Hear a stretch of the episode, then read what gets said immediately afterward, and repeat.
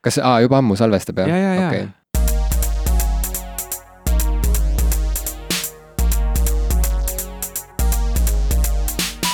tere, minu nimi on Ivo Krustok tervist, minu nimi on Jim Asilevi. ja te kuulate saadet Blop, blop, blop, ploppus, puusturistid. see pole uue aasta tähistamisest veel äh, nii-öelda. mul on veel keel pehme, ma olen aus. ja, ja keel on pehme. keel on pehme ja ei näita eh, jäikuse tagasituleku märke. mm. -hmm. ikka kõva peab hoidma. ikka kõva Keele. peab hoidma ja just, et. ega eesti keel ei ole naljaasi, et Ei, siis ei niimoodi pehme keelega loopida. Ei ole, eesti keel väidetavalt on ikkagi üks keerulisemaid keeli maailmas. aga kui aastavahetusest rääkida, mis sa, mis, mis värk sul nüüd on, et me et oleme ma nii kaua, ei, me, me oleme nii kaua üldse eemal olnud, meie kuulajad võib-olla on ära unustanudki, et sihuke saade on, me ei ole nii pikka pausi sellest teinud ja alates sellest hetkest, kui me üldse hakkasime seda saadet tegema. ma arvan, et meil nii maniakaalseid fänne veel ei ole, kes ei suuda elada ilma uue popkulturistide laksuta iga kahe nädala tagant, et ja lisaks ma usun, et inimesed kuulavad valdavalt ikkagi podcast'e täitsa omas tempos Mm. noh, niimoodi, et midagi siit, midagi sealt, noh, et kuulavad erinevaid podcast'e ja mitte tingimata isegi kronoloogilises järjekorras. ma ei teagi, jah, huvitav oleks teada, kas meie kuulajad kuulavad meid nagu, kas suurem osa kuulajaid kuulavad meid järjest nagu kronoloogilises järjekorras järjest või siis vaatavad lihtsalt, et kus on põnevam osa pealkiri näiteks või, või millal lihtsalt satub kätte. kas me peaks clickbait pealkirju rohkem tegema? võib-olla peaks jah, midagi sellist, et äh, ku- kuigi sa ei tegelikult kujuta ette, mida Jim seekord rääkis, skandaal Elu24-le. jah, et, et tegelikult meie pealkirjad on ju üsna siuksed nagu clickbait. kutsuvad minu arust, et sinna ikka läheb ka oma vaev, ütleme, et ja, konstrueerida siukseid põnevaid väikseid väljavõtteid. näiteks ja see toimib kusjuures, sest et erinev- noh, teised podcast'id, kes kasutavad põnevaid pealkirju, näiteks tuleb kohe meelde ATP podcast mm, -hmm. mis on äh, tehnoloogia väga hakkasid Apple'i keskne podcast.? Jaa, kusjuures- hakkasin ja, et mulle see Apple'i jutt väga istub, sest et ma ise olen ka nii Apple'i ma olen nii õunaarmastaja inimene, et, et, et see ei ole üldse mulle igav, mida nad seal räägivad, kusjuures kuna see on nii õunakeskne saade mm, -hmm. siis mul on hästi naljakas seda saadet kuulda ka selle mõttega, et sul on Androidi telefon ei, jah, ei selle mõttega, et ma lihtsalt vahel mõtlen, et inimesed, kes ei ole nii Mhm. hardcore fännid, on ju,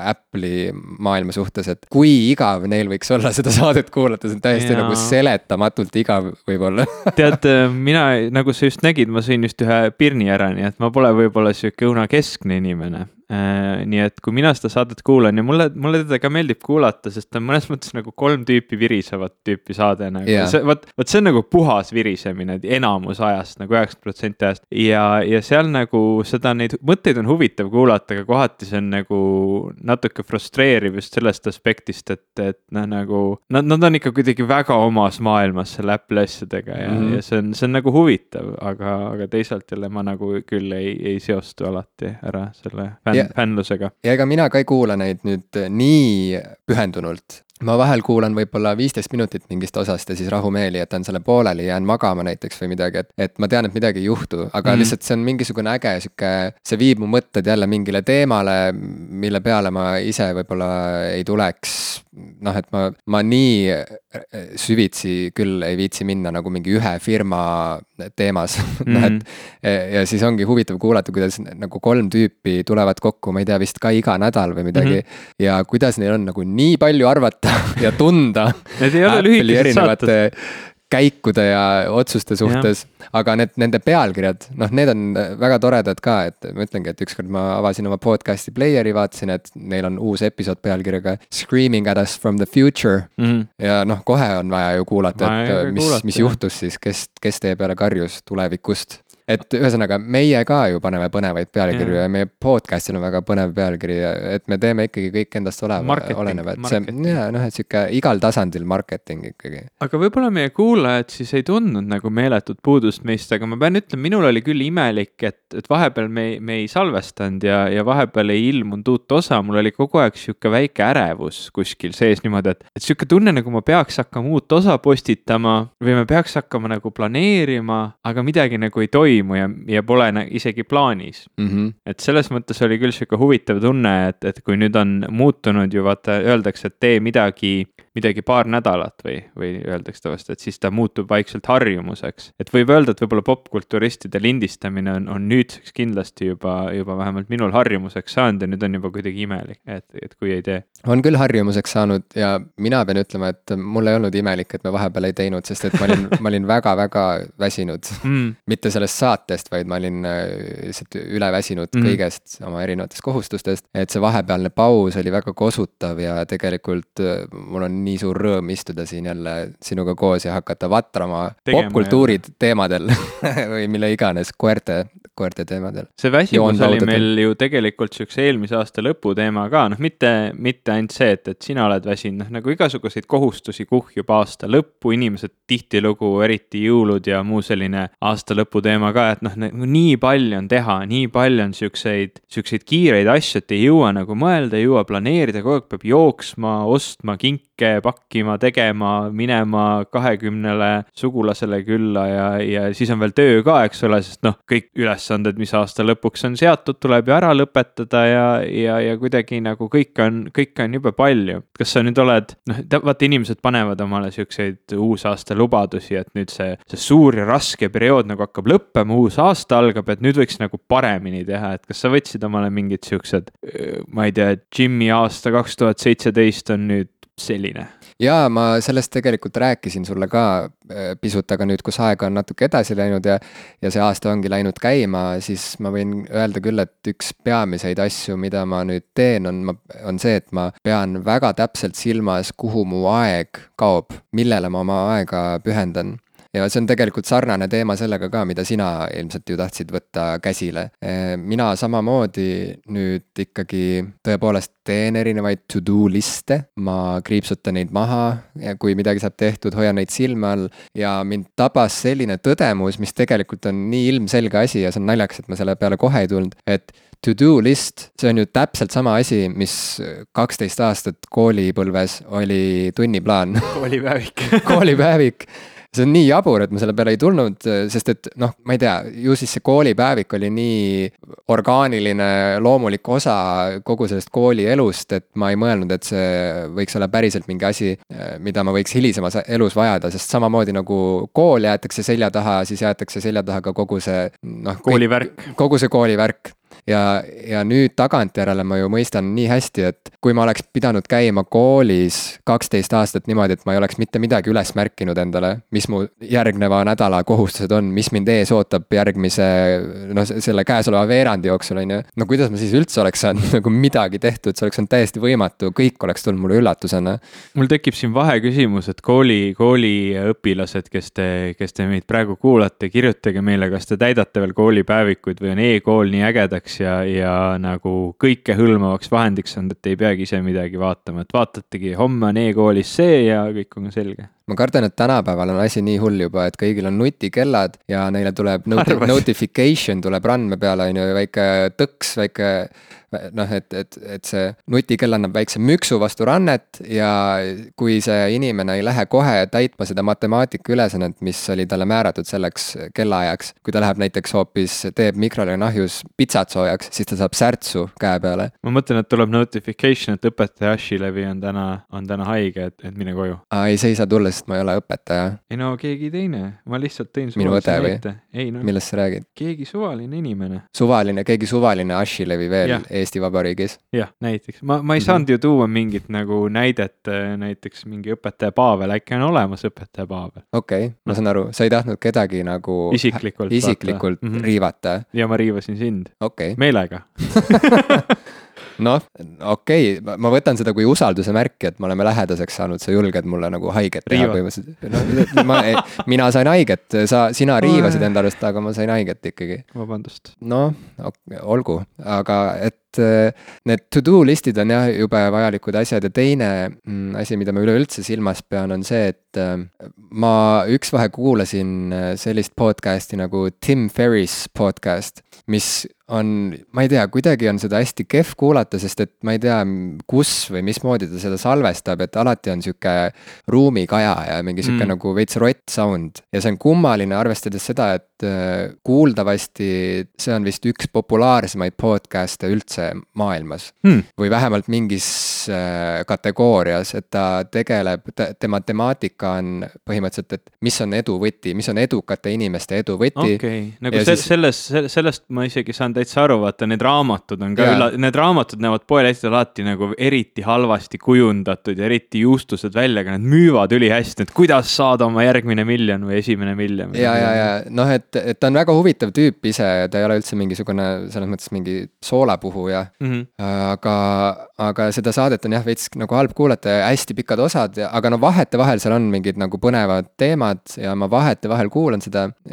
ja, ja ükskord ta rääkis oma või noh, vahetevahel ta räägibki oma sellistest nagu harjumustest või, või kui ta midagi uut avastab, et mismoodi, mismoodi saab veel paremini toituda või mismoodi saab veel paremini noh, miks mitte nagu jah, jaotada oma tööpäeva või noh, et kuidas nagu olla produktiivsem ja kõik mm -hmm. see, mis tegelikult huvitab ju noh, peaaegu kõiki inimesi on ju, kes vähegi üritavad midagi tehtud saada.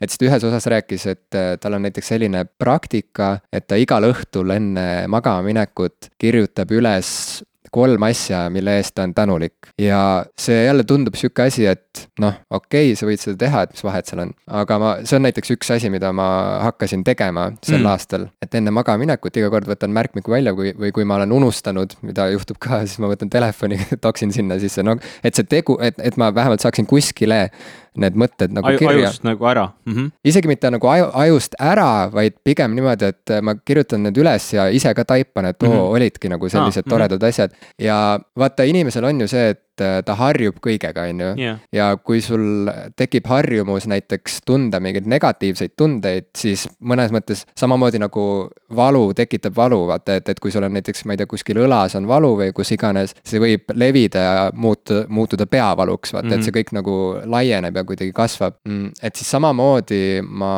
avastasin, et tegelikult selline nagu positiivne, positiivsete mõttemallide või positiivsete mõtete kuidagi äh, rõhutamine või, või, või allajoonimine. meeldetuletamine. meeldetuletamine jah, on äh, samamoodi, see avaldab mingit mõju siis nagu teises suunas. et ma ei ütle, et ma nüüd nädalaga olen saanud äh, pudaks, aga mm, -hmm. aga seda ma võin küll öelda, et ma olen siiamaani terve, või no mitte terve elu, aga noh, pool elu, kui ma olen, on ju, pidanud päevikuid erinevatel ajahetkedel oma elus, siis ma olen harilikult ikkagi hakanud pidama päevikut siis, kui mul on elus väga raske. ja, ja mm.. ja siis ma kirjutan lihtsalt õhtuti kirjutan pikki sissekandeid sellest nagu noh, kirjeldan oma, ma ei tea, depressiooni mm., kirjeldan mingeid keerulisi suhteid inimestega, kirjeldan sellist eksistentsiaalset ängi ja väljapääsmatuse tunnet ja seda hirmu surma ees. soovitatakse inimestele, et kui sul on nagu depressioon või ärevus või kirjuta need asjad välja. eks ole, et see on nagu sihuke üks asi, mida, mida öeldakse. ja, ja see on mind aidanud selles mõttes mm, -hmm. et mhm. see on olnud alati see viimane pääsetee mõnes mõttes, et kuna. ja võib-olla see ongi see, et jällegi, et kuna ma olen kirjanik, et mul ongi nagu see kirjalik eneseväljendus on mulle nii oluline kui, või kuidagi nagu eluliselt oluline. et siis ongi, et see on minu viis olnud ka kuidagi mõelda selgeks mingeid keerulisi asju. aga ma ei ole kunagi pidanud vajalikuks talletada nagu positiivseid mhm. mälestusi mm -hmm. või positiivseid hetki. sest et noh, kui, kui ma olen rõõmus, kui ma olen õnnelik, siis mul ei olegi vaja midagi nagu noh, analüüsida analüüsida, selles mõttes ma mm., ma ei hakka analüüsima, et miks ma olen nii õnnelik praegu. milles see asi on? ma tahan lahti harutada seda õnnesaladust praegu, ma lihtsalt olen. miks ma mõtlen neid mõtteid, et mul on hea miks olla? miks ma mõtlen neid mõtteid, et mul on nii hea olla ja ma nii armastan ennast ja kõike, mis siin ümberringi toimub. Et see, ikka on see nagu see negatiivne, kõik see mhm. pask mm -hmm. nagu on see, mis paneb sind nagu tööle, on ju, ja istuma sinna laua taha ja hakkama psühhoanalüüsiga tegelema. no vot, et see, et ma nüüd äh, võtsin sihukese nagu lihtsa asja käsile, et igal õhtul kolm asja tuletada meelde, mis oli päeva jooksul hästi, mille eest ma olen tänulik. Et see juba kuidagi on andnud mingisuguse väga huvitava nagu värskendava sihukese nagu, väga huvitava värskendava, ühesõnaga, see on, see on pakkunud mingit väga huvitavat värskendust mm. -hmm. no vot, mis, mis sul ka teoksil uuel Mis aastal kuidas, kuidas sa siia uude aastasse jõudsid ja mismoodi edasi? ma, mul on olnud nagu juba, ma vist hakkasingi vaatama märkmeid, et aastal kaks tuhat viisteist ma siis esimest korda proovisin sellist asja, mida mina kuulsin äh, Hello Internet podcast'i kaudu CGP Grailt, aga ma tean, et see on nagu levinum, levinum traditsioon, et, et see on nagu inimesed äh, panevad endale kolme kuu eesmärke ja siis noh, see ongi nagu veer-,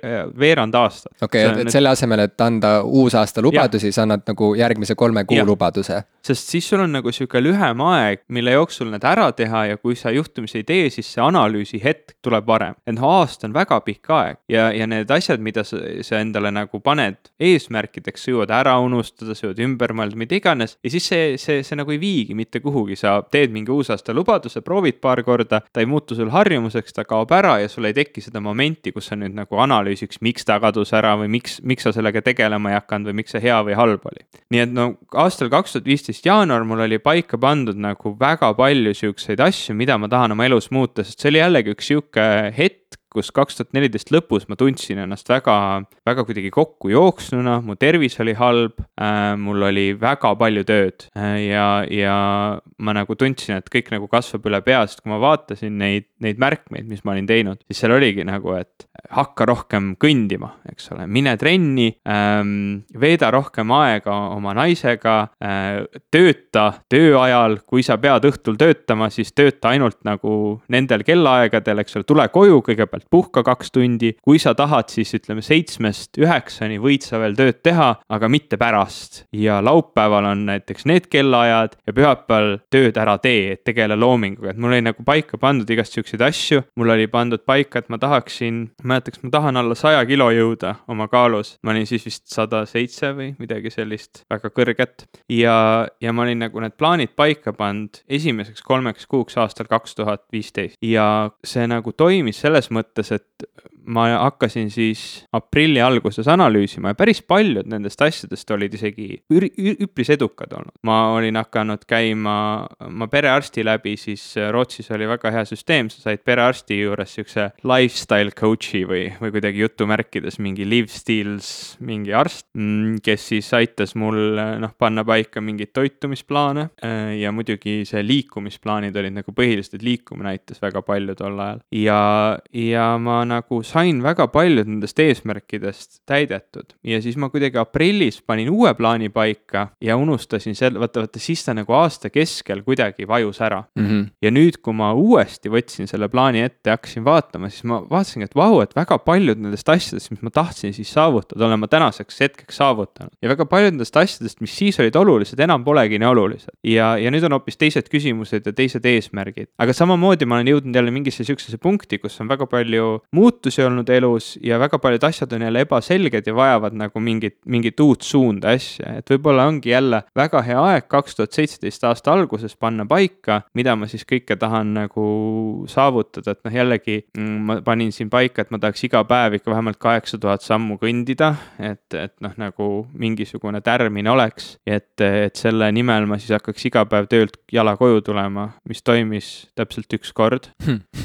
ma tulin töölt jala koju, see oli ääretult meeldiv, mul oli fotoaparaat kaasa võetud, ma just mõtlesin, et nüüd ma teen nädal aega niimoodi, et iga päev lähen töölt jala koju ja teen eh, nädal aega sihuke katse, et ma teengi tööl, töölt koju jalutades teen fotod, must, ainult mustvalged fotod ja siis nädala lõpus nagu vaatan üle, et mis ma siis sain ja ma teen seal linna peal need. Ja siis läks külmaks. Äh, siis tuli, ma ei tea, mis need miinus viisteist kraadi või õhtud olid ja siis ma Mhm. mõtlesin, et, et ma ei taha kodust väljagi minna, rääkimata pärast nagu töölt, no siis ma- lõpuks, kui ma tööle jõudsin, ma ei tahtnud töölt ära minna ja kohe kindlasti ei tahtnud ma koju jalutada ähm,. ja, ja siis nagu oligi nagu sihuke hetk, et, et see nagu vajus natuke ära, mis, mis muidugi on hea, et need kolme kuu eesmärgid on mul kogu aeg ees ja, ja kui võib-olla uusaasta lubadus selline, et ma tahan rohkem liikuda, oleks väga ruttu läinud lihtsalt minema, siis ma tean, et mul on kolm kuud aega, et nende, need eesmärgid ette võtta, et mm. -hmm. vähemalt midagigi teha nende eesmärkide saavutamise nimel ja mul on kolme kuu pärast kontroll, kus ma võin öelda, et kas see toimis või mitte ja analüüsida, miks ei toiminud või kas Mhm. see on üldse oluline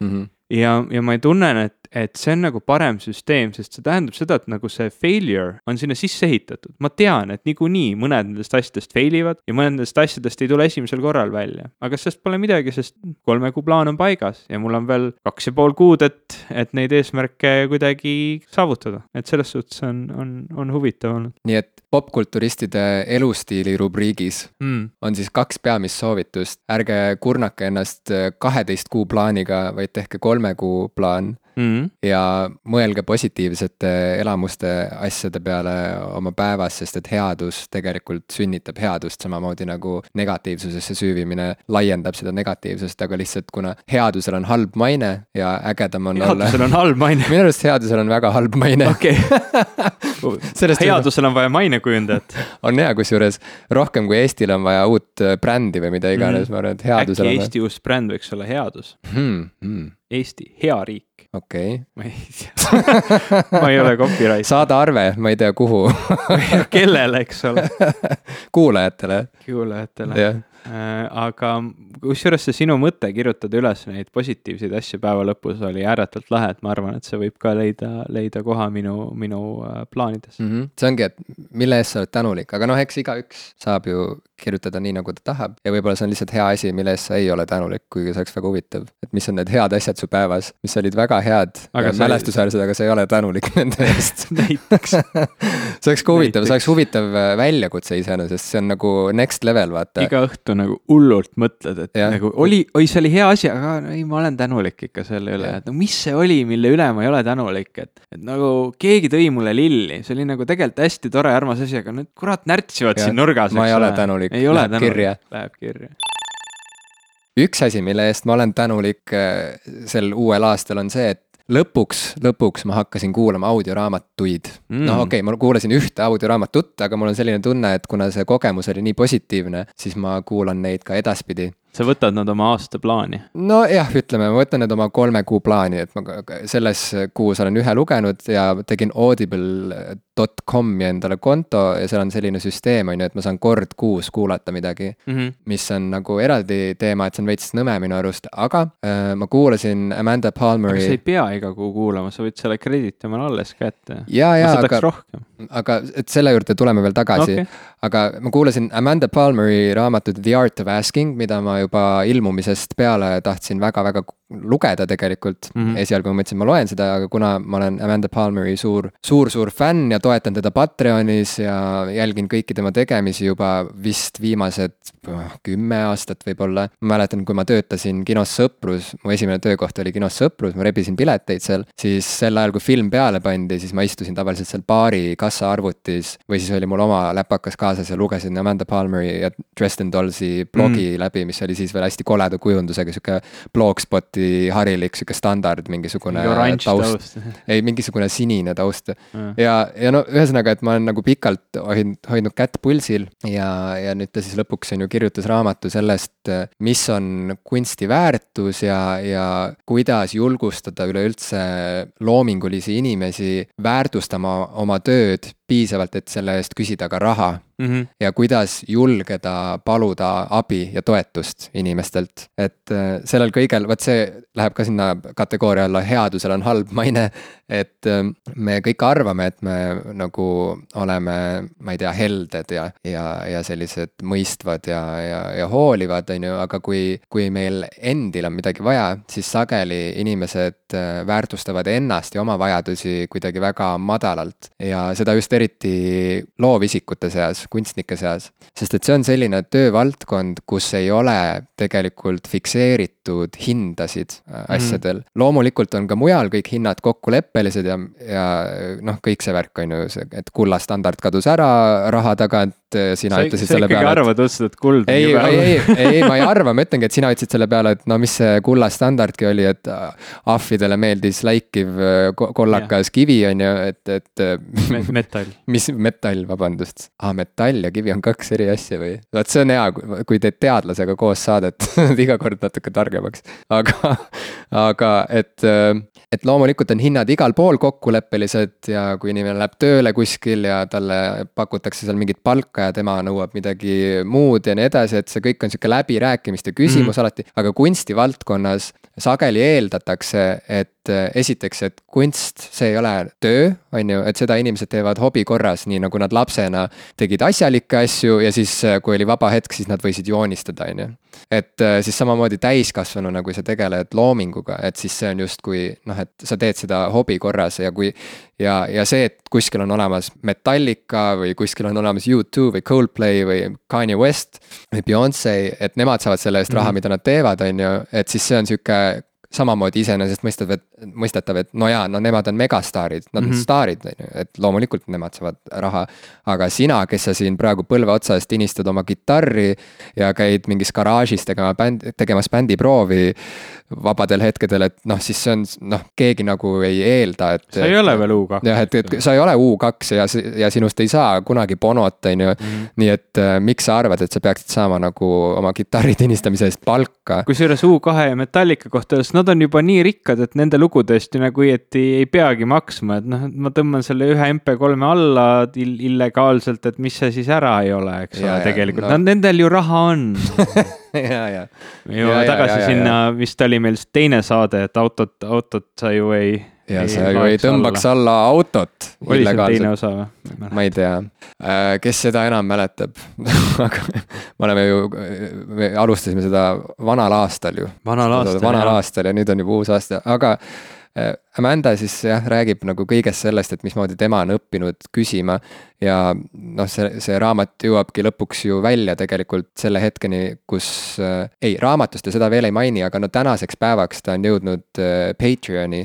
mis on sama platvorm, mida meie ka kasutame, eks ole, see ühisrahastusplatvorm, kus siis fännid saavad toetada järjepidevalt oma äh, välja valitud artisti äh, või, või mis iganes äh, asja tegija loomingut mm. -hmm. nii, ja Amanda Palmer on nagu meeletult edukas olnud selles, et tal on, ma vaatan kohe Patreoni äpist järgi, Amanda Palmeril on praegu, praegusel hetkel kaheksa tuhat seitsesada seitsekümmend seitse toetajat wow.. mis tähendab seda, et äh, igaüks nendest inimestest annab talle siis äh, kas iga uue laulu eest või iga uue albumi eest, mida iganes äh, tema siis seal määrab selleks Loometööks. asjaks, selleks mm, -hmm. selleks teoseks, mille eest ta küsib raha. iga kord, kui ta vajutab seda tasulise asja, tasulise postituse nuppu, kõik need ligi üheksa tuhat inimest kannavad talle üle, eks ole, mingisuguse summakese, just nagu meilgi. ühesõnaga, ja Amanda siis selle tulemusel saab iga oma tasulise postituse eest, iga, iga oma teose eest ligi kolmkümmend viis tuhat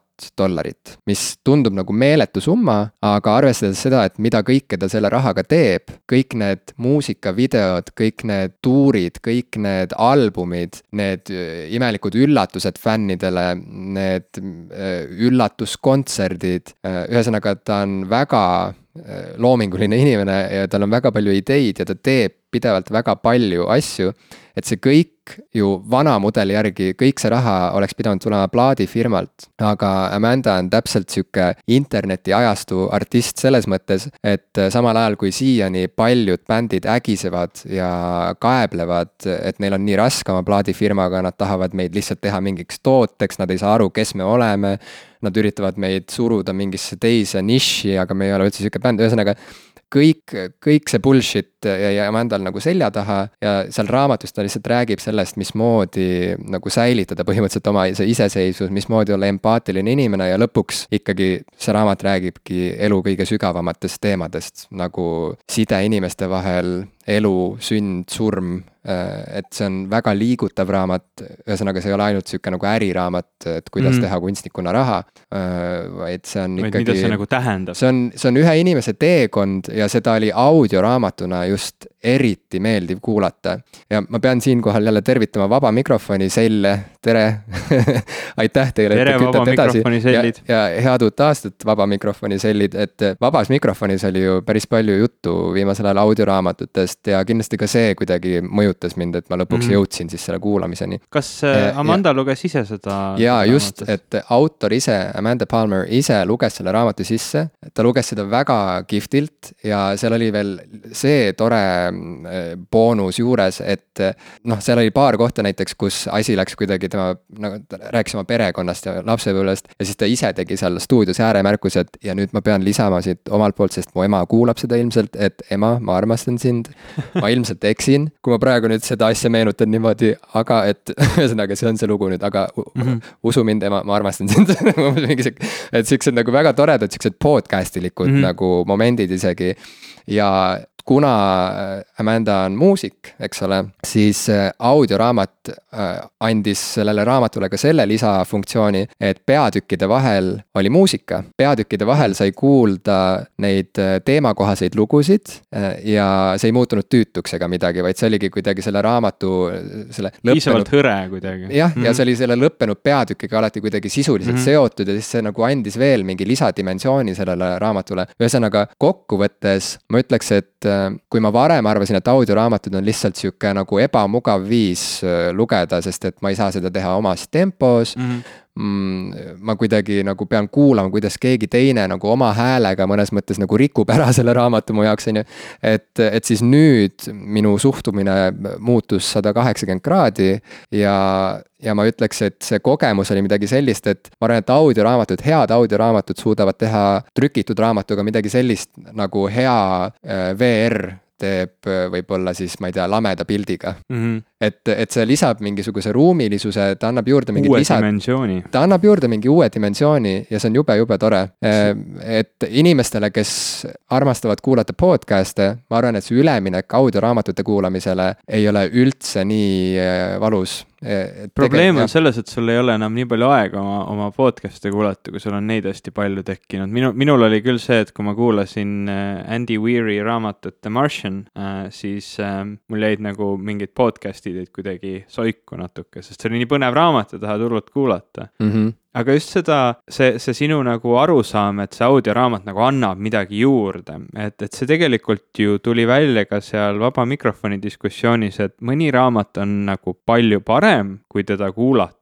lugemise asemel teine raamat nagu üldse ei sobi. või kas ta on siis selle, noh, selle lugeja probleem, et see, see, kes seda parasjagu sulle ette loeb, kas tema hääl ei sobi või tema maneer ei sobi või tema nagu selline lähenemine sellele raamatule ei sobi või, või kuidagi üldse see raamat nagu ei sobigi, ütleme, ettelugemiseks äh,. aga, või, või teisalt ta võib ka täiesti neutraalne olla, et noh, siin paljude inimeste jaoks ei pruugi olla mitte mingit vahet sellel, kas ta loeb seda ise või talle loetakse seda ette, kui, kui tema nagu tahab lihtsalt puhtalt seda infot sealt kätte saada, et see, see on, see on sihuke väga huvitav asi, et ma arvan, et audioraamat on kindlasti sihuke asi, mida tasub proovida mõne, paari erineva raamatuga ja, ja tasub nagu vaadata, kuidas see sulle sobib. vaata, minu puhul isiklikult ma liigun nii palju ka ringi mööda Eestimaad, on ju, mul on väga palju käimist ühest kohast teise ja tegelikult need on kõik sellised hetked, mida saab kasutada väga edukalt äh, lugemiseks. ja noh, loomulikult on ju, saab lugeda bussis või, või rongis, aga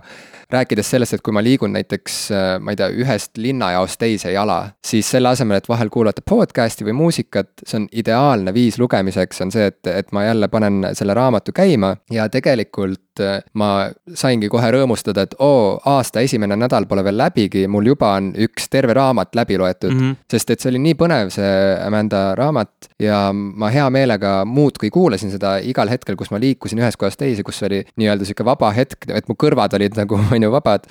ja noh, kõndides nagu raamatut käes hoida ju on väga ohtlik aga aga niimoodi jõuab isegi aasta jooksul päris palju loetud võrreldes sellega, kui sa piiraksid ennast ainult nagu paberraamatutega. et mu sõbranna Eija Uus, kirjanik, kes äh, neelab raamatuid, oli eelmisel aastal eriti ablas ja postitas kas aasta lõpus või uue aasta alguses mingi sellise asja äh, sotsiaalmeediasse, et äh, lugesin eelmisel aastal läbi sada viisteist raamatut, oli hea raamatuaasta või midagi sellist, noh, mis lihtsalt et selline jutt alati paneb mind korraks nagu pikali kukkuma, et sada yeah. viisteist raamatut, nagu et sa kohe hakkad arvutama. sa hakkad kohe arvutama, on ju, et võib-olla see oli sada viis, võib-olla see oli sada viisteist, mhm. igal juhul see oli üle saja, see oli, see oli suur arv. kohe sa arvutad ju, et okei okay,, see peab tähendama seda, et ta luges nagu kas raamatu päevas või siis võttis maksimaalselt kolm päeva ühe mm -hmm, raamatu jaoks, mhm. on ju no see on ikkagi meeletu kiirus. no vot, aga olles kuulanud äh, läbi selle audioraamatu vähem kui nädalaga, ma järsku, mu pea kohal süttis pirn, ma mõtlesin, et okei okay,, kui ma niimoodi kütaksin aasta otsa, ma võiksin ka vabalt näidata ette mingisuguse väga muljetavaldava numbri järg-, aasta kaks tuhat kaheksateist algul. oleks raamatu streaming teenus, vaata nagu Netflix, et lihtsalt lasedki. just, et siia me nüüd jõuamegi, äh, mida me korraks puudutasime juba selle teema alguses, et see äh, Audible'i mm, tasustamissüsteem mm. -hmm. guugeldasin, uurisin, vaatasin, mis need alternatiivid on, lõpuks ikkagi jõudsin Audible'i juurde tagasi, sest et äh, see on ikkagi kõige parem teenus ilmselt mm. -hmm. kõik kriitikud räägivad üksmeelselt, et see on kõige parem, kõige mugavam kasutada, kõige suurema valikuga ja mm -hmm. tagatipuks ma märkasin, et nad on Amazoniga seotud yeah.. minu arust nad ei ole alati olnud Amazoniga seotud. Amazon mingi hetk ostis need ära. no vot, nii et neil on lihtsalt äh, nagu väga suur eelis kõigi teiste yeah, teenusepakkujate ees, neil on väga suur valik pakkuda. lisaks sellele, kui sa ostad nii-öelda e-raamatu ja audioraamatu, siis neil on veel mingi WhisperSync teenus, et kui sa nagu vahepeal näiteks loed seda oma e-lugerist ja siis kuulad, siis nad sünkroniseerivad need kohad ära, nii et näiteks, et sa nüüd lugesid ühe peatüki läbi, kui sa kuulama hakkad, siis ta hakkab järgmisest peatükist wow, ja, ja vastupidi wow,. vot see on muljetavaldav,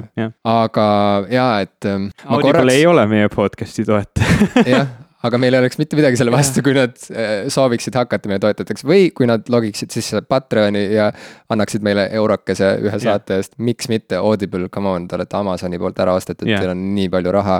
aga, et ähm, see oli kerge pettumus mu jaoks, kui ma avastasin ja et äh, ma ei saagi lihtsalt järjest hakata võtma neid raamatuid sealt. ja no muidugi see on jällegi sellisele, ma ei tea, võib-olla meie põlvkonnale sihuke nagu omane suhtumine, et oo, ma tahan, et kõik oleks tasuta ja ma tahan kõike saada kohe, on ju. vaata, need kunstnikud tahavad ka raha saada. no täpselt ja aga siis äh, tulebki see reality check, et äh, kuidagi. sest noh, tegelikult ju audioraamat ei saa olla odavam kui paberraamat või, või ütleme, kirjapildis raamat, sellepärast et noh, kirjapildis raamat ise maksab midagi, sest selle loomiseks on väga palju inimtööd olnud vaja ja, ja kõik need osad seal, seal ahelas tahavad saada ka palka. aga audioraamat on ju veel mitu taset otsa, keegi peab seda produtseerima, keegi peab seda sisse lugema, keegi peab seda haldama, keegi peab neid teenuseid haldama. noh, ta lihtsalt ei saa olla, eks ole, noh, odavam. see lihtsalt on kallim teenus ja seal on ka see nüanss juures, see raskendav tegur, et äh, audioraamatuid ei osteta nii palju kui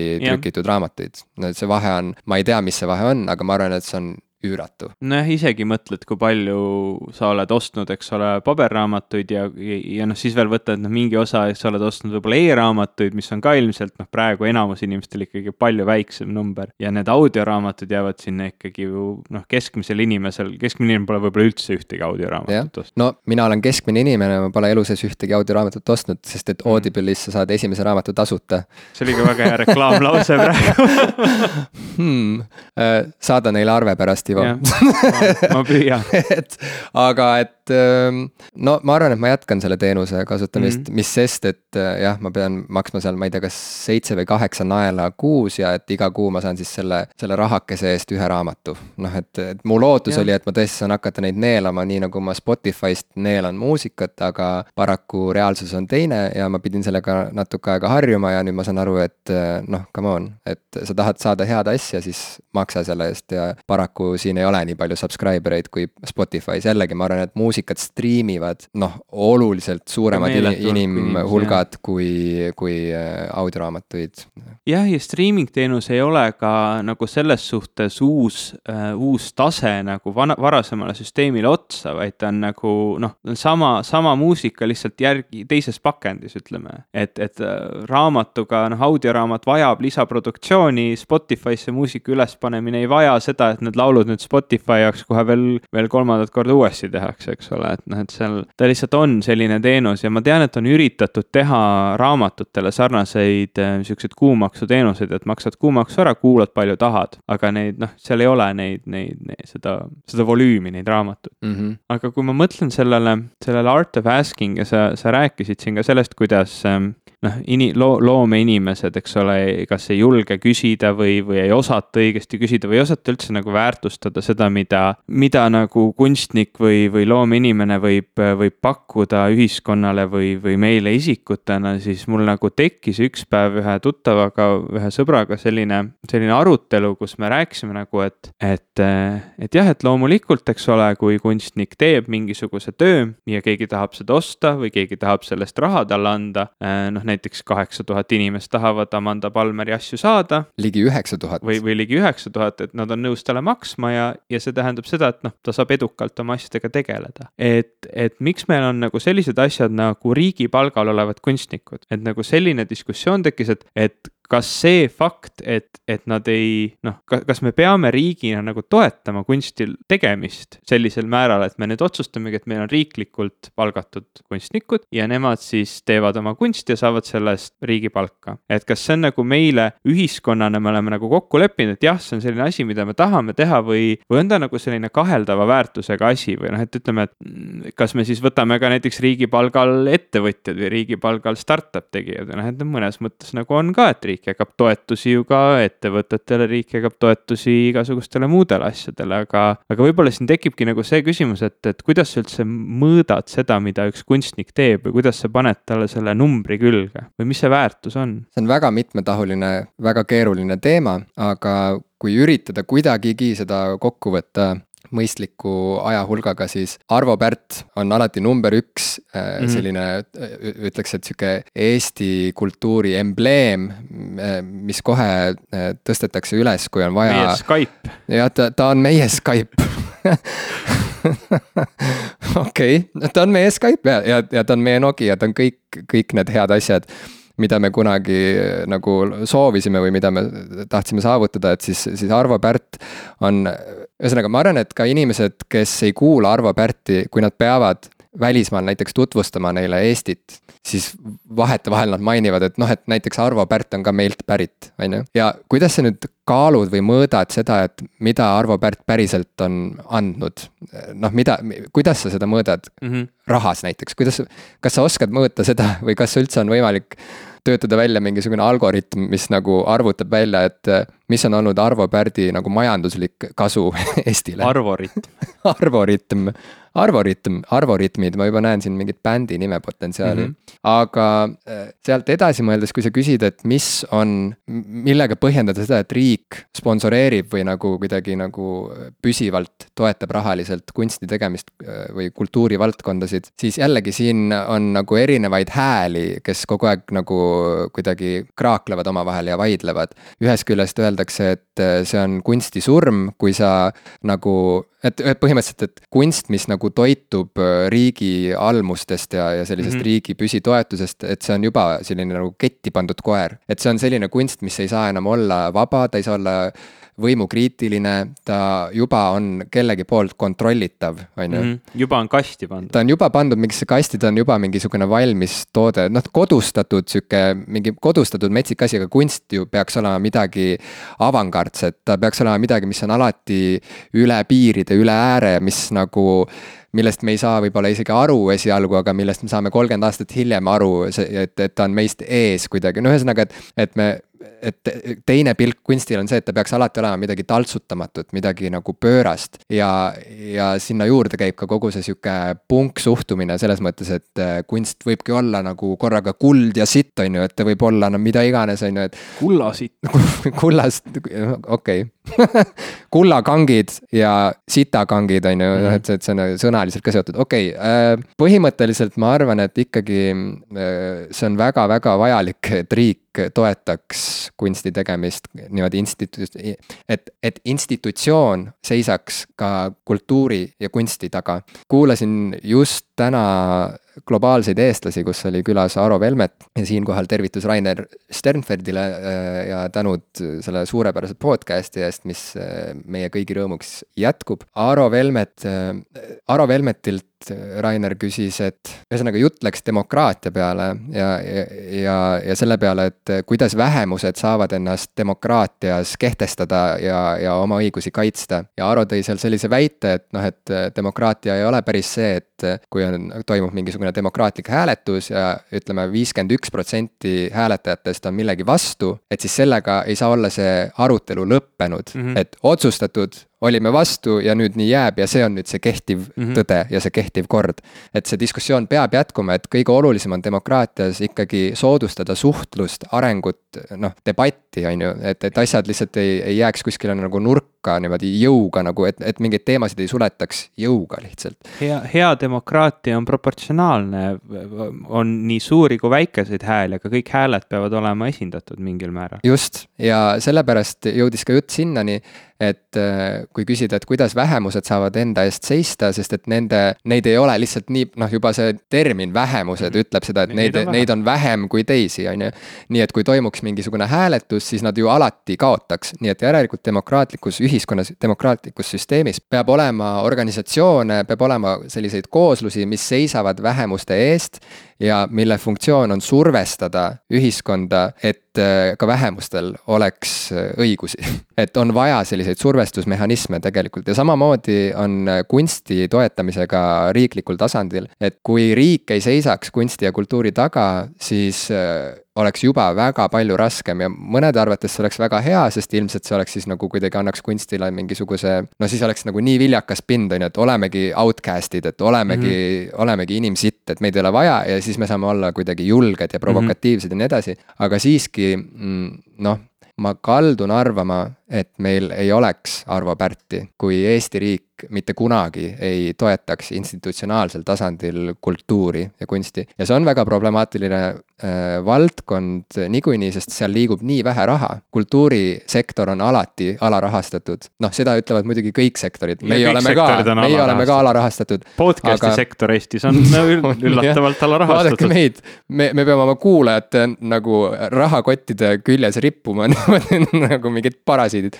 aga, aga kas aga..., kas see ei olegi mitte õige, kas meie, meie kui sellise, me pakume mingit toodet, ma jõuan selle toote küsimuseni korra mm -hmm. veel, aga me pakume mingit toodet ja kui sellele tootele pole nõudlust, miks, miks see toode üldse vajalik on, kas ühiskonnal on vaja popkulturiste, kui meil ei oleks kuulajaid, eks ole. et ma tulen selle toote juurde tagasi, et ma, ma võib-olla veel enda nagu arvamust selles osas ei, ei toogi välja, et ma, ma natuke mängin veel saatena advokaati, sest see on palju lõbusam ähm,. sa, sa paar korda nüüd kogu selle saate saate jooksul oled maininud seda tootejuttu, et, et me ei taha, et kunst on toode või et kunstnik ei taha, et kunst on toode, et ühest küljest siis need muusikud räägivad, kuidas, kuidas plaadifirmad muudavad nemad tooteks. ja teisalt siis kunstnikud kardavad, et, et riik muudab nad tooteks, kui, kui riik neile raha annab. et kas see on paha, kas nad ei ole toode, kus see vahe on, kus on kunsti ja toote vahe? ma arvan, et sa saad sellest vahest väga hästi aru, kui sa ütled sõna toode, siis esimese asjana sa pigem mõtled mingisuguse iPhone'i iPhone'i peale või sa pigem mõtled mingisuguse toiduaine peale kasvõi,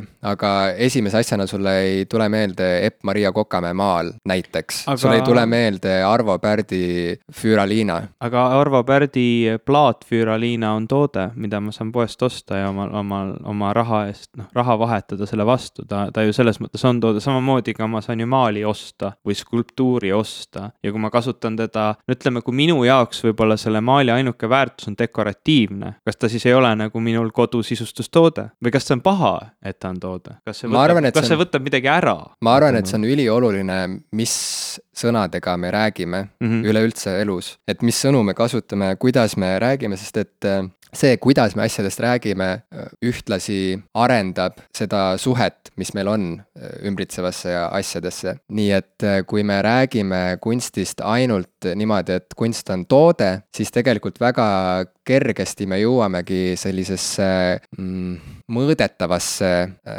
kohta, et mm -hmm. me hakkame ekslikult arvama, et looming ja kunst on midagi, mida sa saad samamoodi mõõta, hinnata, kaaluda, nagu sa saad mõõta, hinnata, kaaluda lihatükki turul mm, -hmm.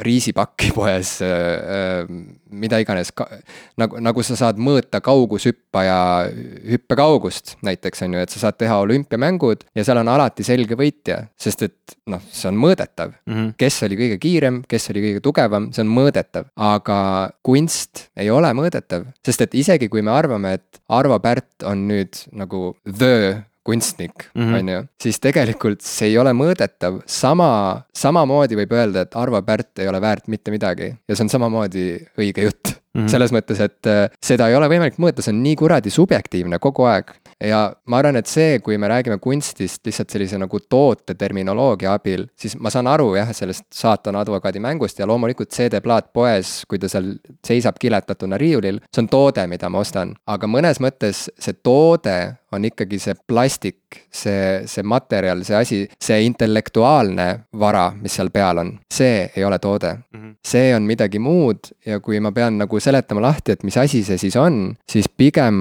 ma ütleks, et kunst ja looming üleüldse on äh, midagi sarnast nagu on vesi või õhk või äh, meie mõttevool ajus või aeg. ühesõnaga, et ta, ta kuulub pigem sinna kategooriasse, et see on miski, mis liigutab meid edasi ühiskonnas, kultuuris, ajaloos, ajas, iseenda arengus ja mõtetes. et see on, see on midagi, mis ei ole käegakatsutav, aga see määrab väga palju seda, mis maailmas me elame mis mõttemaailmas me elame ja, ja, ja mis meid ka füüsiliselt ümbritseb. kui sa ütled, et äh, kunst ei ole töö, ma tean, et sina ei ütle seda, aga, aga mõned inimesed ütlevad, et kunst ei ole töö, siis äh, no lase käia, proovi elada üks päev maailmas, kus, äh, kust puudub igasugune kunstiline panus. sellist maailma ei ole olemas, see ei ole võimalik. me arvame, et me, ka see on nagu tihti nagu ekslik, et me kuidagi lahterdame, kes on kunstnik ja kes ei ole. ja me unustame ära, et iga päev me improviseerime, mitte keegi meist meist ei oma elumanuaali, keegi pole läbi lugenud elukasutusjuhendit. ühesõnaga, me iga päev nagu hoiame kinni mingitest ühiskondlikest kokkulepetest, meil on mingid seadused, meil on oma mingid, mingi kasvatus, mingid kombed ja nii edasi, mingi kultuur. ja see nagu hoiab meid kuidagi pinnal, on ju, ja, ja, ja elu, elu jätkub ja inimesed suhtlevad ja teevad oma asju, aga see kõik nagu eeldab loomingulisust, elu eeldab loomingulisust ja mõned inimesed lähevad sammu võrra kaugemale ja teevadki loomingust oma elu. Ja, ja, ja mõned oskavad seda ka kuidagi nagu rahaks teha, minnes kuskile tööle, näiteks äh, needsamad lauad siin ruumis, kus me istume, on kellegi poolt kujundatud. kui need oleksid kehvasti kujundatud, siis need lauad läheksid, kukuksid kohe ümber. Noh, nad ei oleks lauad, nad ei oleks kasutuskõlblikud, samamoodi on äh, mingid veel lihtsamad, siuksed veel, veel ilmsel-, il-, veel iseenesestmõistetavamad asjad nagu ma ei tea, aknad ja uksed ja nii edasi. ühesõnaga kõik, mis on olemas, on kellegi poolt ju kujundatud kokkuvõttes. nii et äh, see on väga keeruline ja loomingulisus katab tegelikult kõik eluvaldkonnad, ükskõik kuhu me ka ei vaataks, igal pool vaatab meile vastu loomingulisus. lihtsalt, kui me vaatame otse nagu kunstivaldkonda, siis me näeme seal seda loomingulisust sihukesel nagu puhtal kujul ja seal ta tundub meile kohati nagu tarbetu, sest et nüüd järsku, kui see ei ole tarbekunst, on ju, siis me näeme, et okei okay,, see on nüüd lihtsalt see idee ilma selle funktsioonita justkui. aga seal juba tuleb mängu inimese enda tundlikkus ja areng, vaimne areng, et kas ta suudab nagu või kas ta vajab seda endaga kaasa, seda, seda ideed, mis ta sealt saab, kas ta oskab seda nagu kasutada, kas ta oskab seda omaks võtta või ta lihtsalt pole selleks valmis. nii et mõnes mõttes jah, kunst mõnes mõttes ongi midagi elitaarset, aga samas ma väga sügavalt tahan alati, et kunst oleks ka midagi väga nagu kõigile mõistetavat, et see oleks miski, mis, mille jaoks sa ei pea nagu tegema doktorikraadi, et, et la, läbi hammustada selle olulisust. ja jällegi ma arvan, et Arvo Pärdi juurde tagasi jõudes, Füraliina, lase seda ükskõik kellele ja ta reageerib sellele kuidagi emotsionaalselt, ta noh, midagi ta tunneb ja ta ei pea selleks lugema läbi eelnevalt uurimustööd Arvo Pärdist, megapikk tiraad. Popkulturistid, toome teile elukasutusjuhendi üks lehekülg korraga. Ähm, see oli üks lehekülg väga-väga peenikeses kirjas. aga ma mõtlen siinjuures jällegi sellele, sa tõid välja, et, et definitsioonid on ääretult olulised või mis sõnu me kasutame, kui me millegist räägime, et noh, nagu oma ajaloost äh, välja tuua, ära kunagi ütle õpetajale, et ta on teenindustöötaja see oli, ma olin vihane üks päev koolis kunagi ammu ja siis mingis diskussiooni käigus, et noh, et aga ma olen ju õpilane ja teie õpetate mind, te olete teenindustöötaja. väga halb mõte ja noh, arusaadavalt muidugi rumal mõte, eks ole, et noh, ma nagu püüan jällegi seda, seda vahepiiri siin kuhugi tõmmata, eks ole, et noh, me kujutame ette, et selle kunstiga peaks mingi, midagi sellist nagu sa kirjeldasid, midagi sellist mõõtmatut juurde tulema, midagi, mida me väärtustame. ometi noh, nagu mingil määral see, mida me väärtustame, on kuidagi hinnatav, võib-olla ta ei ole joonlauaga mõõdetav, aga ta on mingil määral hinnatav ja, ja inimesed nagu üldiselt ju teavad, ütleme kultuuri kontekstis või oma isikliku elu kontekstis, mida nad hindavad, sellepärast ongi kunst ju suuresti majandusena superstaari majandus seal on need, need Arvo Pärdid, need, need suured kujud, Picasso, eks ole, et see tema maal on väärt rohkem kui, kui mõni firma, eks ole, mis toodab, ma ei tea, meditsiiniseadmeid. noh mm -hmm., et, et siin, mm, et me ikkagi nagu, me teame nagu mingeid asju, mida me väärtustame, mingeid asju, mida me ei pea nii oluliseks, et noh, võtame, äh, sa, eks ole, viitad siin laudadele, meil on IKEA, kes toodab laudu ja kui inimene läheb IKEA-st lauda ostma, siis ta üldiselt nagu ei mõtle sellele kunsti aspektile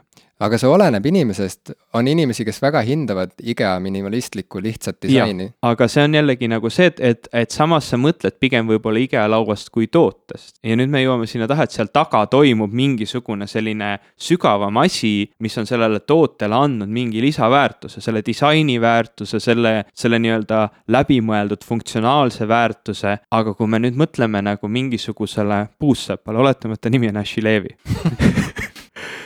ja, ja tema, eks ole, sinna käib kaasa lugu, kuidas ta istub õhtutundideni, et sulle voolida välja seda lauda, see on, see on tema enda peast kuidagi välja joonistatud laud. ta on sellele mõelnud, see on tema kunstiteos, see on nagu skulptuur tema jaoks, aga samas see on ka laud. siis meil on kuidagi väga lihtne ära seostada, et see nagu nüüd, nüüd enam ei ole toode, vaid see laud nagu ise ongi kunst. et, et ma nagu, minu jaoks jääbki nagu arusaamatuks see, et aa, et noh, kas seda piiri on vaja üldse tajuda.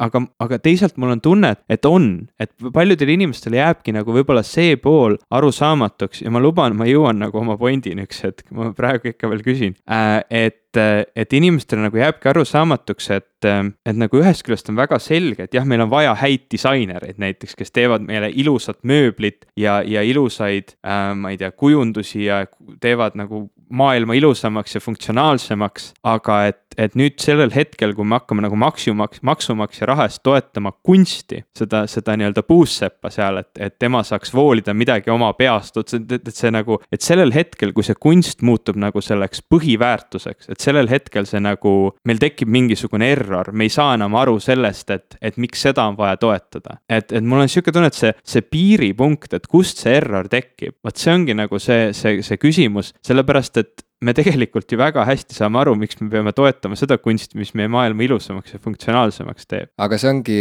erinevus tarbekunsti ja muu kunsti vahel. tarbekunsti esemed on äh, juba mõeldud selleks, et sa kasutaks neid millegi muu jaoks mm. -hmm. et see aitab sul midagi muud paremini teha, ma ei tea, tarbekunsti vaas aitab sul hoida lilli vees. tarbekunsti laud, on ju, aitab sul seal selle laua taga istuda ja kirjutada või süüa, mida iganes. aga kunst, mis ei ole tarbekunst, vaid on lihtsalt kunst, sellel, nagu ma ütlesin, puudub see selge otstarve ja see ajab meid segadusse, aga see ajab segadusse meid siis, kui me läheneme kõik kõigele joonlauaga nii-öelda, aga mõnes mõttes see on väga oluline nagu õpetus, see ongi nagu mingisugune meditatsioon iga päev inimkonnale. harjuda selle mõttega, et kõik ei ole, ühesõnaga, sa ei saa kõike siduda kulla standardiga. sa ei saa kõike panna kaalukausile ja võrrelda millegi muuga, ühesõnaga, et on asju siin elus, mis ei ole mõõdetavad ja mis ei ole lõpuni seletatavad. ja see on see, mis on nagu kunsti tugevus ja see on see, mida, kunst meile õpetab. ta tõmbab meid korraks välja sellest äh, meeletust mõõtmise maaniast ja tegelikult, kui sa mõtled näiteks selle peale, et äh, vaata, räägitakse, et kirjandus on oluline, sest et keel areneb tänu kirjandusele, on ju, või noh, vahel kui inimesed ütlevad, milleks meile luule, kellele on vaja luuletajaid mm -hmm., noh, luuletajad on kõige keeletundlikumad inimesed üldse meie seas ja nemad viivad keelt edasi, on ju, mhm. ja ja keegi ju ei taha sülitada Shakespeare'i peale, isegi kui ta ei hooli teatrist, siis ikkagi nagu inimesed teavad, et Shakespeare oli vist oluline, on ju. noh, ja Shakespeare oli üks suuremaid poeete üldse maailma ajaloos. paljud inglased tahaksid küll sülitada Shakespeare'i peale, sest nad on sunnitud lugema seda väga palju no, keskkoolis. see on teine probleem aga ütle mulle, Ivo, kas keel, kas eesti keel on teenus, mida Eesti kultuur sulle pakkus ühel hetkel? kas keel on tarbeese, mida sa iga päev kasutad, et eh, siis nagu olla võimeline su-, suhtlema? kas keel on teenus või kas, kas keel on tarbe? teenus või tarbeese, tarbetoode? keel on kindlasti seotud tarbega, kas seda on võimalik nagu vaata siin tekibki see küsimus, kas seda on võimalik nagu toote või teenusena klassifitseerida, vaata, et mis ta siis on, eks ole, ta, ta on. noh, nagu sa ja. tahadki välja tuua, et on asju, mis lihtsalt on, ma ei tea, vesi on, vesi saab ka toode olla muidugi, kui sa, kui sa teda õigesti pakendad, aga, aga noh, samas nagu. oota, ma küsin edasi mhm, küsi, küsi edasi. kas keel on, mis on keele väärtus, kas oskad seda öelda, kui palju maksab eesti keel, kui sa peaksid eesti keelt müüma, mis sa paneksid eesti keele hinnaks? ma ei hinnaks? saa keelele hinda külge panna, aga ma saan öelda, mis on keele väärtus ja see on nagu väljendusvõime. noh, inimese kui, kui liigi eh, väljendusvõime on see meie keel, selline väga artikuleeritud, väga, väga selge, väga kompleksne, väga sügav, noh, väljendusvõime, see on. täpselt. tal on väärtus. täpselt, naelapea pihta, keel on suhtlusvõime, väljendusvõime. aga tal on väärtus selle, selle ja, näol. see on selle väärtus mm. -hmm. kunst ja looming on keel, samamoodi ja see on jälle üks eksiarvamus, me arvame sageli, et äh, me saame keelega kõik väljendatud, aga see ei ole nii. sellepärast ongi olemas visuaalkunstid, sellepärast on olemas muusika, sellepärast on äh, olemas kõik need erinevad loomingulised distsipliinid, tants näiteks, sest et inimene on nii keeruline olend ja tema sees toimub nii palju, et seda kõike sõnadesse panna ei ole võimalik ja samas seda kõike ka niimoodi suuliselt väljendada ei ole võimalik, mistõttu on parem kirjutada vahel raamatuid. aga on asju, mida ei ole võimalik üldse panna sõnadesse ja need siis leiavad oma väljendusvormi milleski muus. nii et vot siin ongi see uba, me ei saa kunstile panna hinda, see on alati kokkuleppeline, see on umbes sama küsimus alati, et kui palju maksab eesti keel. Äh, Picasso maal, kui sa lihtsalt ei teaks seda Picasso lugu, kogu seda, kogu seda staari lugu ja sa lihtsalt näeksid seda näiteks äh, bussiterminali terminalis, Viru keskuse all näiteks, seal on seina peale pandud, on ju, selle Omniva postipaki automaadi kõrvale. no sa peaksid seda võib-olla lihtsalt mingiks nagu kujunduselemendiks, noh, mida iganes, et see. ja tekiks... Picasso reprosid on ja. igal pool ju kujunduselemendid no,. just, aga noh, oletades, et sa ei ole kunagi näinud ühtegi mm -hmm. Picasso tööd, on ju, et siis ikkagi, no et, et sa ilmselt ei tormaks seda kohe varastama, teades, et fuck, ma ei pea enam elu seest tööle minema, kui ma selle praegu ära varastan ja maha müün, on ju. et noh, et see lugu ja kõik see staari kujunemine, see on jälle täitsa eraldi teema, see on on see, et inimestele meeldivad legendid, mhm. inimestele mm -hmm. meeldivad. inimestele meeldib narratiiv. inimestele meeldib narratiiv ja inimestele meeldivad staarid, neile meeldivad suurkujud ja, ja noh, siuksed nagu ajastu sümbolid, kes kuidagi nagu tähistavad seda meie aega ja meie seda hetke, kus me lõpuks oleme oma arengus ja nii. see kõik on täitsa eraldi teema, aga kokkuvõttes küsida, et, et mis on kunsti hind, on umbes sama, mis küsida, et mis on eesti keele hind, aga kui küsida, et kas riik peaks rahastama eesti keele ellujäämist või eesti keele nagu jät-, jätkusuutlikkust. noh, siis see on umbes sama küsimus jällegi ka see, nagu see, et kas riik peaks rahastama loomingu tegemist. see on umbes sama küsimus, sest et keel on üks inimkonna suurimaid loomingulisi projekte ja üks õnnestunumaid. ja noh, see on ainult üks osa meie loomingulisusest, keel, ja kõik muu on ka olemas ja samamoodi oluline. ma selles suhtes nagu, nagu ise tunnengi, et olles, olles inimene, kes puutub väga palju kokku nii kunstnikega, nii ütleme, riigisektori, avaliku sektori töötajatega, teadlastega, igasuguste inimestega, noh, meil kõigil tegelikult on ju kokkupuuteid hästi palju erinevate inimestega. inimestel, kes mõtlevad ühes või teises suunas nagu mingis raamis raamistikus, ütleme, kunstnik mõtleb ikkagi mingis raamistikus või ta püüab võib-olla avardada väga palju seda või mõelda nagu erinevates raamistikkudes ja noh, samamoodi kõik teised raamistikud püüavad seda alati avardada. aga, aga tihtilugu ongi nii, et kuigi nendes, nendes eri mõtteviisides või mõttelaadides on hästi palju sihukest overlap'i, siis on asju, mis nagu on ühtedel palju paremini välja arenenud kui teistel pooltel.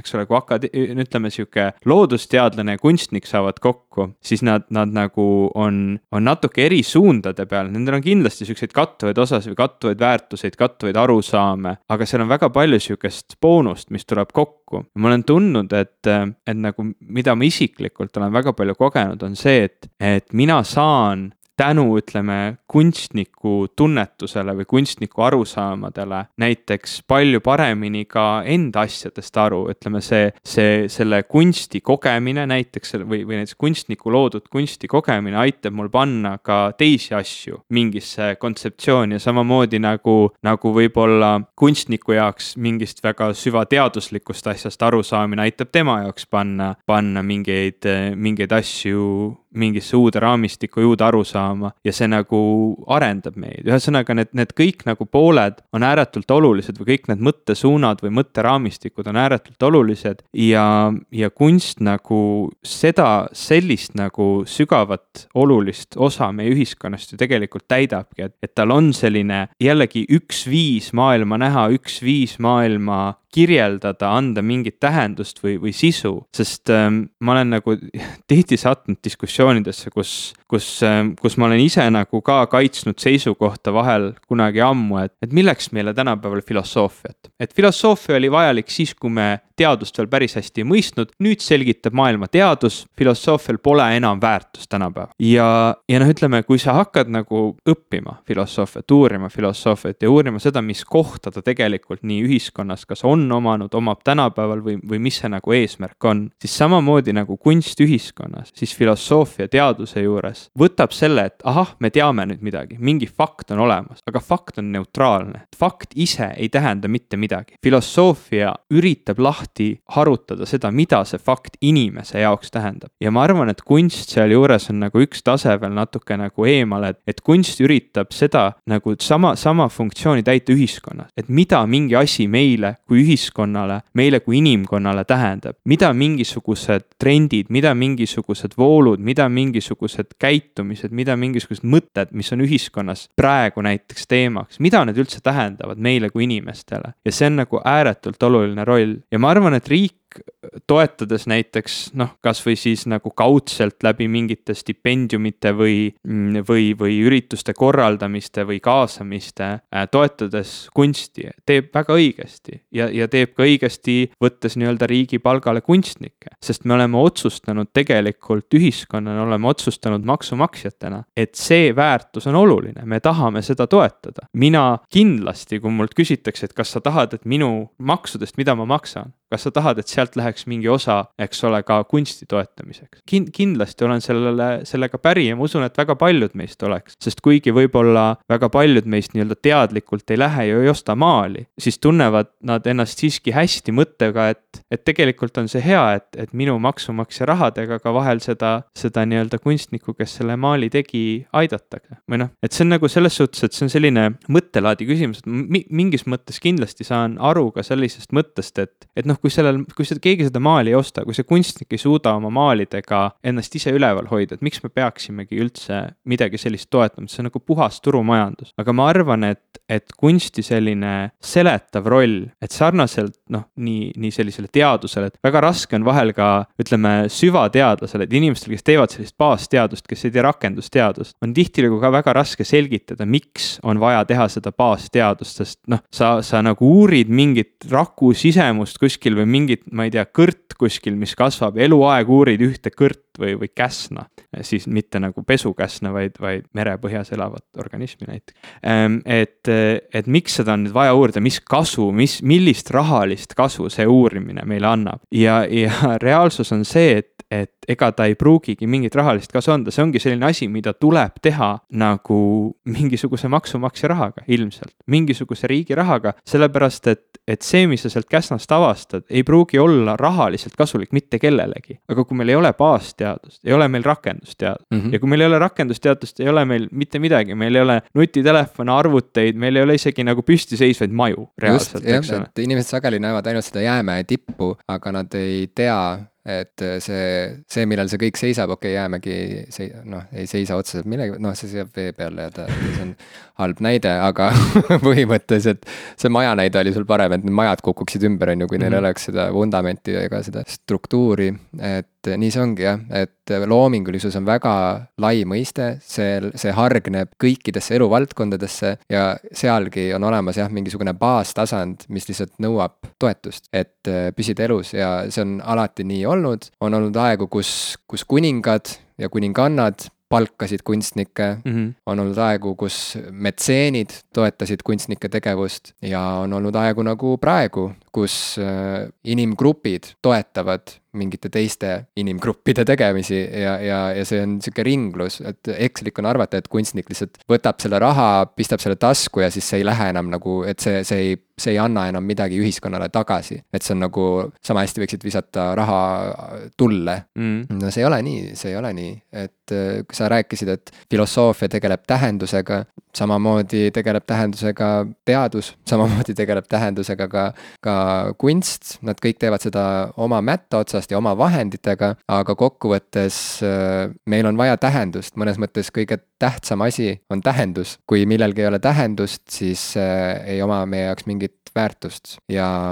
noh, see, et riik toetab loomingulisust, see on lihtsalt osa sellest, et me ühiskonnana ütleme, et me tahame elada tähenduslikus ja. maailmas. me oleme ühiskonnana ja. võtnud, et see on meie jaoks oluline.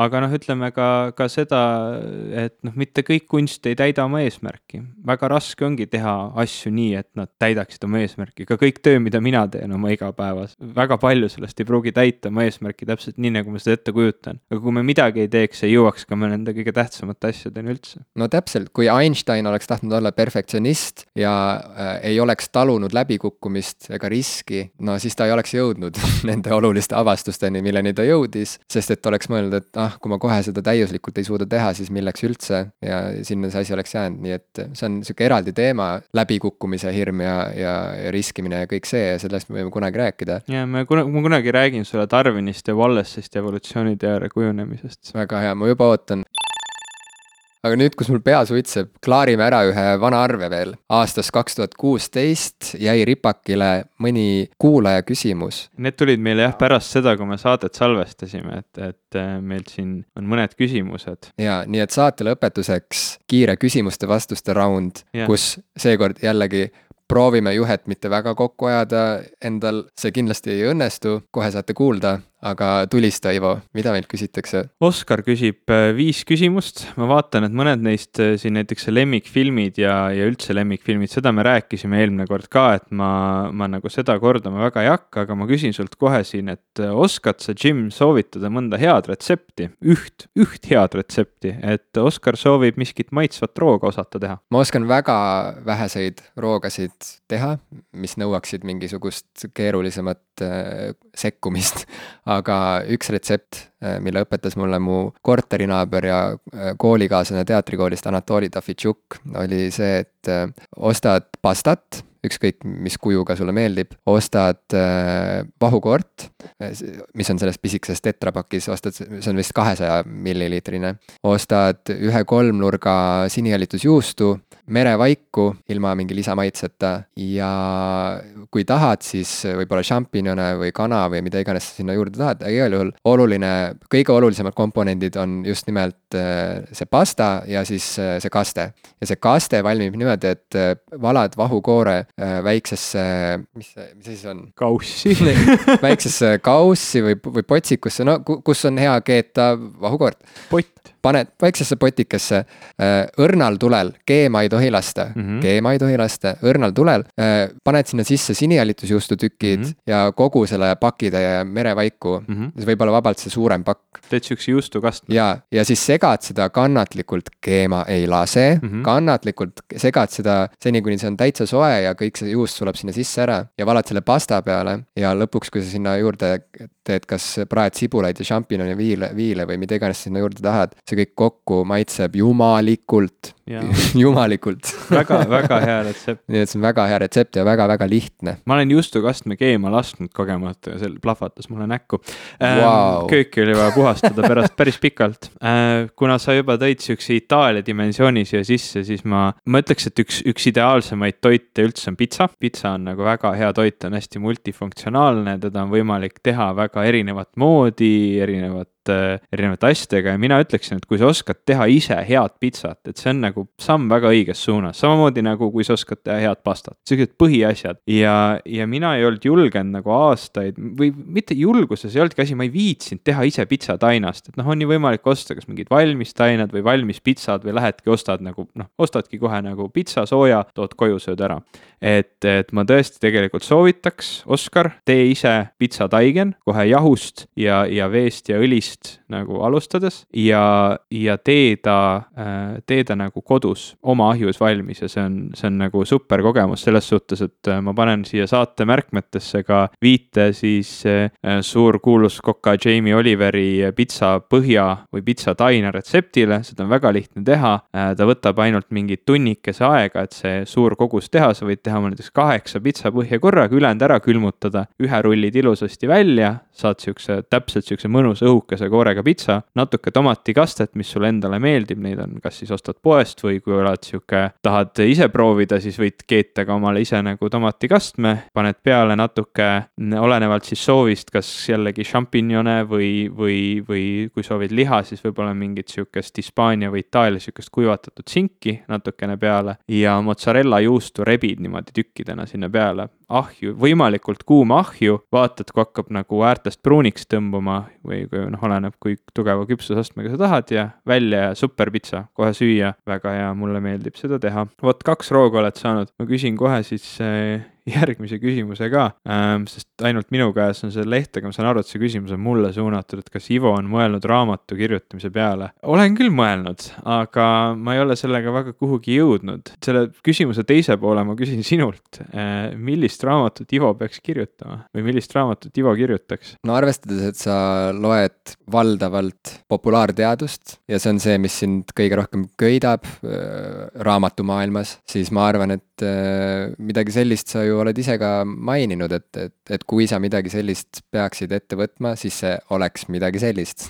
Nii et äh, lahtine on ainult see teema nagu, et, et millele sa tahaksid keskenduda. Mm.. Mm, kuigi noh, ma ei tea, kui sa küsid mult, et, et mis minu arvates võiks olla sinu teema, siis mulle tundub, et see ilmselt võikski kuidagi olla seotud sellega, et kuidas paremini elada, aga mis mm. nurga alt täpselt, seda ma ei tea. mul on nagu endale üldse need elustiili raamatud väga ei, või Aa, mitte, räägi... mitte elu, mitte elustiili, vaid noh, nagu, nagu eneseabi või kuidagi. ma ei mõtle nagu, eneseabi, ma mõtlen nagu ikkagi väärika teadlase pilgu läbi, mismoodi me võiksime aga see, see läheb mu pädevusest välja, et see on umbes sama, kui ma kirjutaksin meditsiinialal raamatu ja paneksin sinna taha PhD, eks ole, doktorikraad ja minu doktorikraad on hoopis nagu sotsiaalteadustes näiteks mm, -hmm. et noh, et selliseid näiteid on ääretult palju, et yeah. inimesed, kui te lähete raamatupoodi, ostate meditsiiniraamatud, uskuge mind, enamus nendest doktoritest ei ole meditsiinidoktorid.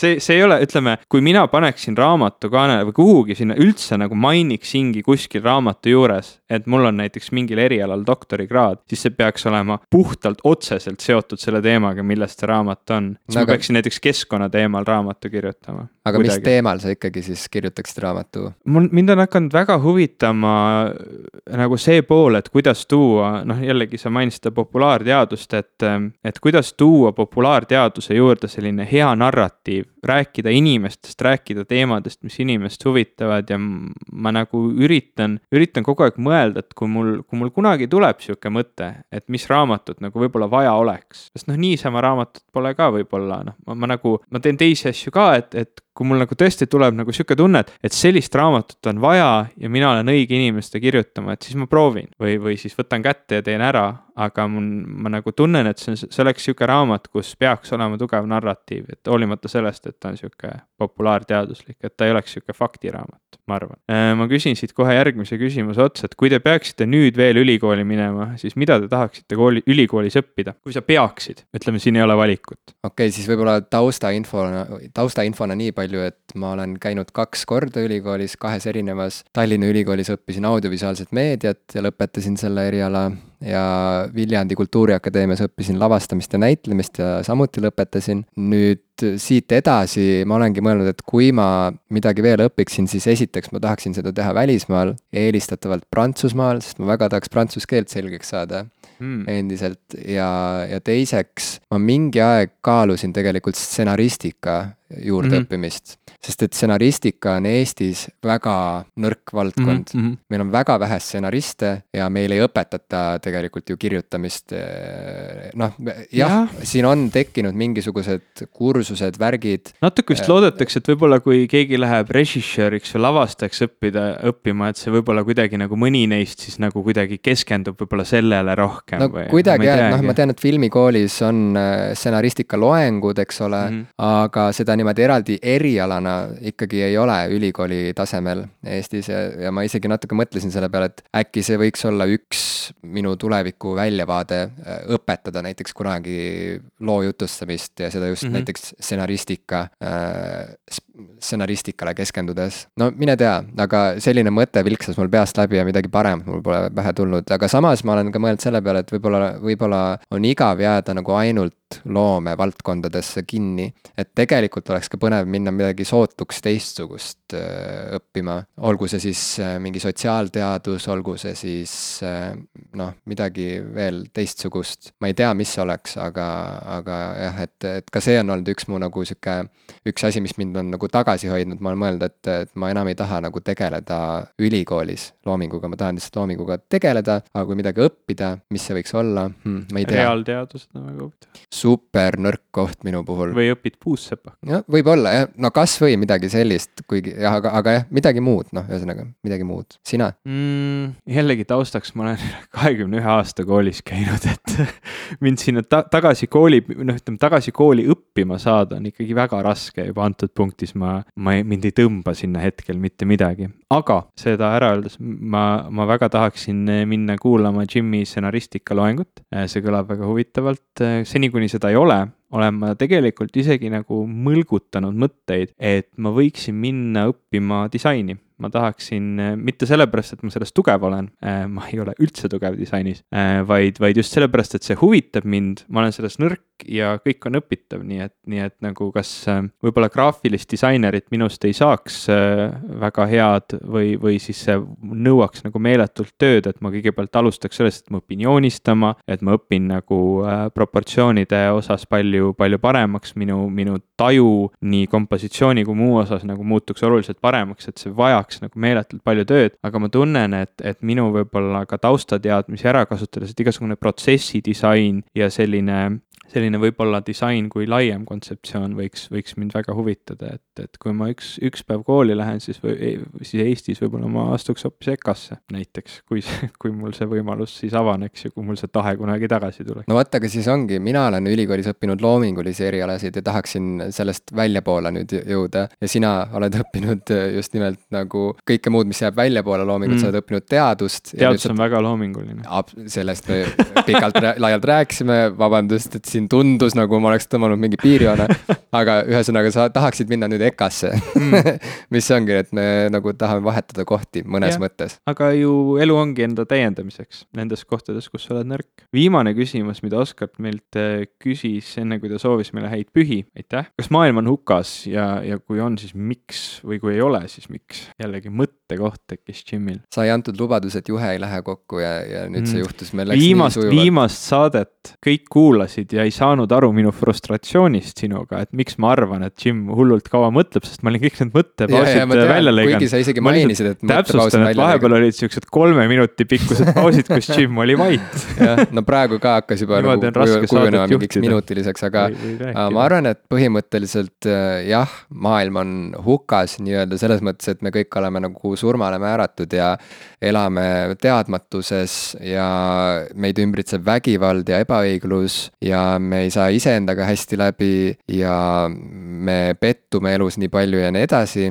aga sellele vaatamata, et maailm on hukas ja nii palju tumedust on meie ümber, on ikkagi, ma arvan, võimalik äh, noh, püsida pinnal ja tegeleda siis elus nende asjadega, mis loovad sulle tähendust, mis on, mis, mis toidavad sind ja sind, sind ümbritsevaid inimesi. et selles mõttes see on jällegi sihuke nagu, mulle väga meeldib nagu see, kunagi ma kuulasin Kurt Vonneguti intervjuud sellises saates nagu Bookworm, mis oli võib-olla kõige esimene podcast, mida ma nüüd tagantjärele mõeldes nagu üldse elus hakkasin kuulama. et Bookwormis äh, Vonnegut oli juba väga vana, kui ta seal külas käis ja, ja siis seal ta rääkis sellest, et ta on nii vana juba, et ta teab, et ta sureb kohe varsti ära ja siis ta kuidagi kümme aastat hiljem oli jälle seal saates, ütles, et noh, nüüd näed, ma ikka veel ei ole ära surnud ja, ja nii edasi, aga siis pärast ta suri. ühesõnaga, tal oli üks romaan, mida ta kunagi ei lõpetanud, mida ta mainis seal saates, et see romaan räägib stand-up koomikust maailma lõpus või no ma pigem sain sellest kuidagi nii aru, et maailma äärel või noh, minu nagu vaimusilma tekkis kohe pilt, et, et äh, maailma enam ei ole, mitte midagi pole enam olemas, on ainult see üks stand-up koomik äh, põhimõtteliselt seisab keset musta kosmost. ja minu jaoks võtab elu nagu väga hästi kokku või selle, mismoodi ma kuidagi, mis, mis on mu elutunnetus üleüldse, et jah, see hämarus ümbritseb meid, jah, see on suurem kui me kõik ja me elame selles tundmatuses ja hämaruses, aga meil on huumor näiteks. ja huumor tegelikult on noh, mõnes mõttes huumor on jumal või see on nagu, see on see, see on see inimeste supervõime, et naerda, naerda vaatamata kõigele, mis on õudne. või naerda just nimelt selle õuduse peale, et see on miski, mis pöörab ümber sellise valu, mis muidu täiesti nagu tapaks meid ja teeb meid kohati täiesti nagu võitmatuteks. et isegi kui meil, isegi kui elu kohtleb meid äh, väga jubedalt, siis ikkagi mulle meenub näiteks, kuidas Monty Pythoni tüübid esinesid koos mingil hetkel äh, publiku ees, see oli sihuke retrospektiiv vist ja neilt küsiti küsimusi ja siis kuna üks nende liige oli juba surnud selleks, selleks hetkeks, siis ta oli urnis kaasas neil. et urn pandi ka eraldi toolile yeah. istuma ja siis aeg-ajalt küsiti ka talt asju, et noh, et mida sina arvad et ühesõnaga vaatamata sellele leinale ja, ja seletamatule kaotusele, mida need inimesed võisid tunda, kuna sõpra enam ei olnud olemas, kes oli nendega kogu selle teekonna kaasa käinud, siis ikkagi nad suutsid selle üle naerda. ja see ongi see stand-up koomik maailma lõpus, see ongi see, et maailm on hukas, aga me võime Naerd naerda ka. no, ka ju Douglas Adams tõi oma raamatutes selle välja, et ini-, ini-, inimene, inimesed või ütleme üldse tema siis mõistes olendid kogu universumis on juba, juba sellise mõttelaadi mandaadiga, et me paneksime maailma lõppu ka meelelahutusasutuse. et, et seda tähistada iga kord ja kogu aeg ja uuesti jälle, et maailma lõpus on kohvik. aga ma arvan ise selles osas, et kui, kui see küsimus oli nüüd suunatud mitte niimoodi, et kas ta, kas maailm on hukas selles mõttes, et ta on kogu aeg hukas olnud või ei ole ta kunagi hukas olnud. Mm, et võib-olla see küsimus oli hoopis suunatud niimoodi, et võib-olla kunagi oli maailm parem, kui ta praegu on, et kas praegu on maailm hukas selles mõttes, et ta on palju hullem kui kunagi, et kas me oleme, kas me oleme sihukesel allakäigutrepil siis mina ütleks, et ei ole, maailm läheb kogu aeg paremaks, vähemalt statistika näitab meile seda, et võib-olla kui sellistest äh, Hans Roslingu ülipositiivsusest pakatavatest loengutest natuke eemale minna ja võtta noh, nagu realistlikult, siis tegelikult me elame kauem, me elame palju mõnusamat elu, me elame äh,, ütleme, kergemat elu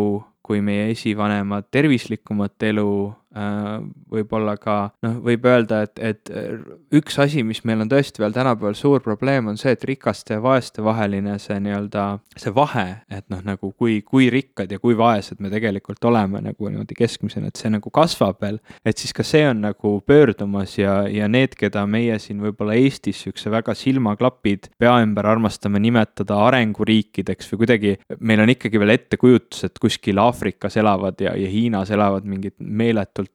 kõik on nagu vaesed ja tehnoloogia kauged, ei tea midagi, et kuskil külades, et noh, see, see pole lihtsalt ammu enam tõsi. igal pool on vaeseid inimesi kahjuks ja, ja on riike, kus on vaeseid inimesi väga palju, aga see kõik on, kõik on nagu pidevalt kasvamas, pöördumas, me ikkagi areneme ja see on, see on ääretult positiivne. et eh, ma ütleks, et maailm ei ole halvem kui varem, maailm läheb aina paremaks. meil on üks küsimus veel äh, ja see on nüüd Jaanuselt ja see seostub selle sinu stand-up koomikuga, et tema küsib, et äh, kes on meie lemmik stand-up koomik lemmikud, oskad sa sellele vastata, on sul mõni lemmik? jaa, hetkel lemmikud on Mark Maron, kes muide teeb ka podcast'i, kus käivad väga toredad mm. kirjanikud, muusikud, näitlejad tal külas, postitab väga sageli neid osi, ma ei tea, kuidas ta nii produktiivne suudab olla ja kord käis isegi Obamadel külas ja see oli väga-väga big deal. Mark Maron äh, on väga äge koomik ja Louis CK on teine lemmik hetkel. ühesõnaga, sellised kaks meest, kes, kelle puhul ma lihtsalt nagu janunen uue materjali järele. Aga ma tahaks Eesti poole pealt ka tuua ühe väga toreda näite, Mattias Naan tšekkige Mattias Naani, rahvas. ma arvan, et Mattias on väga-väga kihvt ja, ja teeb oma asja ja see on ülitore ja kuidagi ma.